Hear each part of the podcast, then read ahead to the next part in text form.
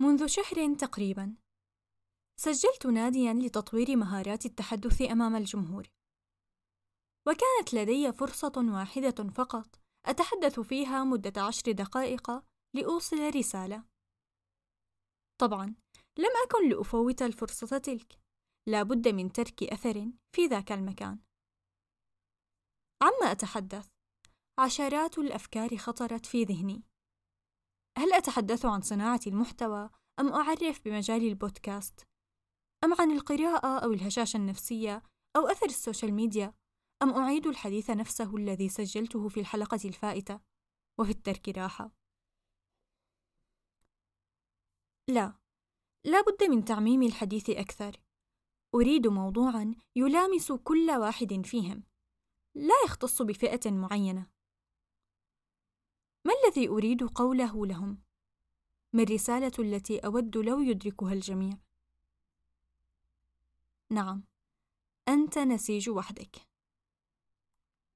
السلام عليكم، اسمي حنين، وحاء هو البودكاست الخاص بي، أتناول به مواضيع ثقافية ودينية وتوعوية.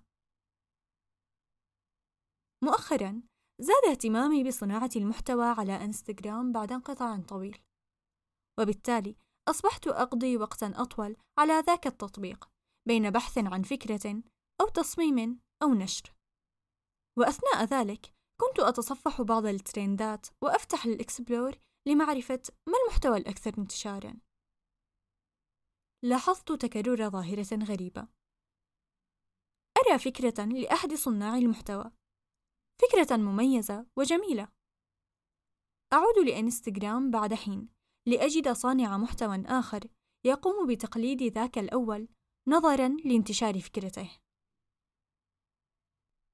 أدخل صفحة أحد الأشخاص لأجد حسابه تقليدًا لممثل معروف، فلا يقوم ذلك الشاب سوى بتقليد مشاهده لا غير.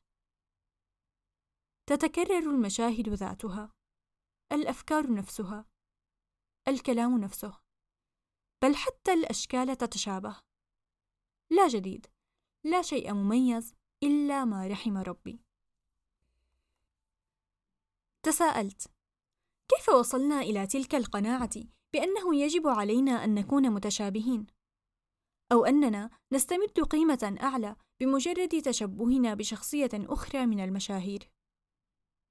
ما الذي سيدفع حنين مثلا للفرح بكونها تشبه فلانة من الناس وتقوم بتقليدها بشكل متقن؟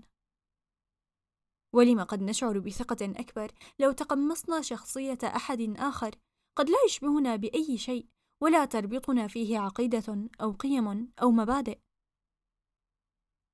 هل أضخم الموضوع وهو لا يستحق؟ فقط لأنني أرغب أن أمثل نفسي فقط؟ أم أن هناك خطأ ظاهرا بين الناس؟ تذكرت قراءتي لكتاب الإنسان يبحث عن المعنى للطبيب النمساوي فيكتور فرانكل والذي أسس المدرسة الثالثة في العلاج النفسي وأسماها مدرسة العلاج بالمعنى ليتفرد بكونه أول من أبدع هذا النوع من العلاج. وكان أكثر ما ثبت في ذهني من كتابه قوله فلكل فرد مهنته الخاصة أو رسالته الخاصة في الحياة التي تفرض عليه مهاما محددة عليه أن يقوم بها وفي ذلك لا يمكن أن يحل شخص محل آخر، كما أن حياته لا يمكن أن تتكرر، ومن ثم تعتبر مهمة أي شخص في الحياة مهمة فريدة، مثلما تعتبر فرصته الخاصة بتحقيقها فريدة كذلك. فبرأي دكتور فرانكل أن هذا التفرد الذي يميز كل فرد عن غيره والذي يعطي الفرد معنى لوجوده ينطوي على عمل إبداعي. وحينما يتحقق الشخص من استحالة أن يحل أحد في مكانه فإن هذا يسمح بظهور المسؤولية بكل أبعادها وضماناتها. أي أن الإنسان يشعر بمسؤولية تجاه حياته حين يدرك أن ما يستطيع تقديمه هو لا يستطيع أحد آخر أن يقدمه. ترى هل اعتاد الناس زمن فرانكل أن يتجردوا من أنفسهم ليكونوا آخرين؟ أم أنه تنبأ بما سيحدث بعد أكثر من خمسمائة سنة؟ لا يهم حقيقة ما الدافع لقوله هذا، لكن ما يهم أنه لخص ما أريد إيصاله، وبصفته طبيبا نفسيا لا بد أنه أعلم منا بقدرة الإنسان على التخلي عن ذاته أو صفاته وشخصيته، فأنا لا أستند في كلامي على أقوال رواد التنمية البشرية أو تطوير الذات، بل على الحقيقة فقط. ومن أكثر الأدلة تأثيرا بي قول النبي محمد عليه الصلاة والسلام واصفا أصحابه: أرأف أمتي بأمتي أبو بكر، وأشدهم في دين الله عمر، وأصدقهم حياء عثمان، وأقضاهم علي، وأفرضهم زيد بن ثابت، وأقرأهم أبي، وأعلمهم بالحلال والحرام معاذ بن جبل. ألا وإن لكل أمة أمينا وأمين هذه الأمة أبو عبيدة بن الجراح فنرى هنا تفرد كل واحد منهم واضحا وكل صفة من هذه الصفات تدعو صاحبها للفخر والاعتزاز بنفسه دون حاجة ليقلد صاحبه. كنت أشعر أن هذا الحديث يفسر ما كانوا عليه من فتح وانتصار وقوة، فتركيز كل واحد منهم على ملكة وهبه الله إياها وعمله بها كان كفيلا بسد ثغور كثيرة عند الأمة. أما نحن اليوم فنحاول أن نكون نسخا لا تشبه الأصل بشيء ونتنكر لذواتنا. وقد ورد عن النبي صلى الله عليه وسلم أيضا أنه قال لحسان بن ثابت: إن روح القدس لا يزال يؤيدك ما نافحت عن الله ورسوله.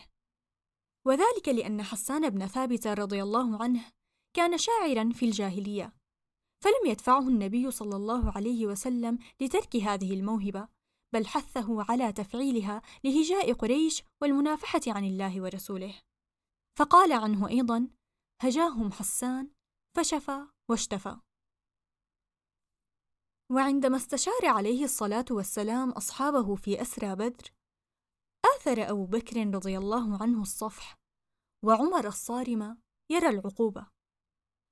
فنجد اختلاف طباعهم واضحا منعكسا على آرائهم رغم اتباعهم عقيدة واحدة.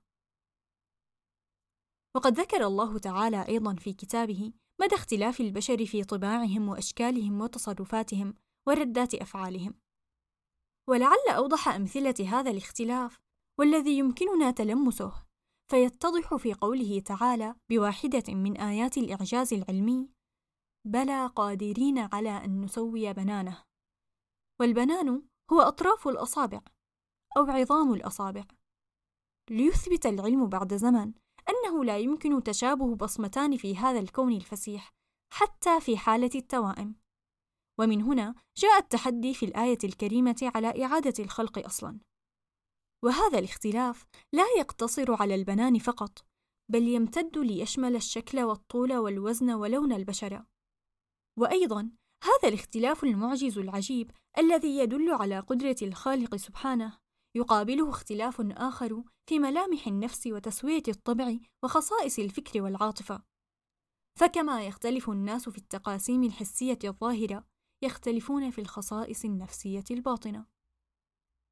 اذا لا وجود لدليل عقلي ولا نقلي لوجوب إلغاء شخصيتك لإرضاء أحد أو تصرفك بطريقة لا تشبهك لتكسب إعجابا أكبر. إن خروج الإنسان على سجاياه وانفصاله عن طباعه أمر يفسد على الإنسان حياته ويثير الاضطراب في سلوكه. ومن مضى يقلد بعض ذوي الشهرة في حركاتهم وأصواتهم ومظاهرهم وطريقة أدائهم للأعمال أو راح على غير سجيته يتكلف الأمور ويرائي الناس في تصرفاته. فقد خالف سنة الله وأهدر شخصيته وغير خلق الله الذي آثره به وسواه عليه. وكما قيل إنك شيء فريد في هذا العالم. إنك نسيج وحدك.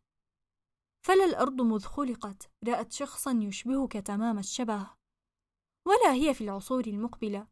سوف ترى شخصا يشبهك تمام الشبه وقال آخر سوف ينتهي كل امرئ إلى وقت يدرك فيه أن الحسد جهل وأن التشبه انتحار وأنه ينبغي للمرء أن يأخذ نفسه على علاتها ويرضى بها كما قسمها الله له. لماذا التشبه انتحار؟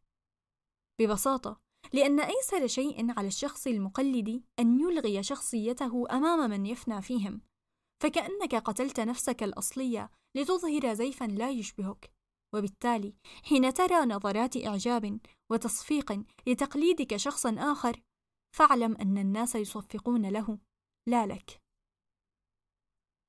كم من الوقت نحتاج لندرك أننا متفردون، ولا نحتاج لتقليد شخص أو فعل أو قيم لا تشبهنا.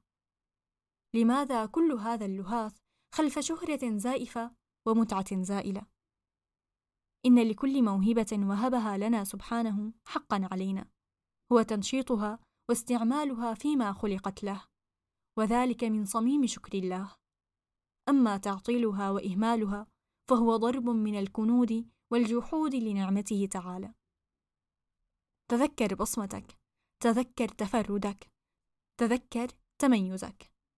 والسلام. إذا أعجبتك الحلقة، لا تنسى الاشتراك في القناة ومشاركتها مع من تحب.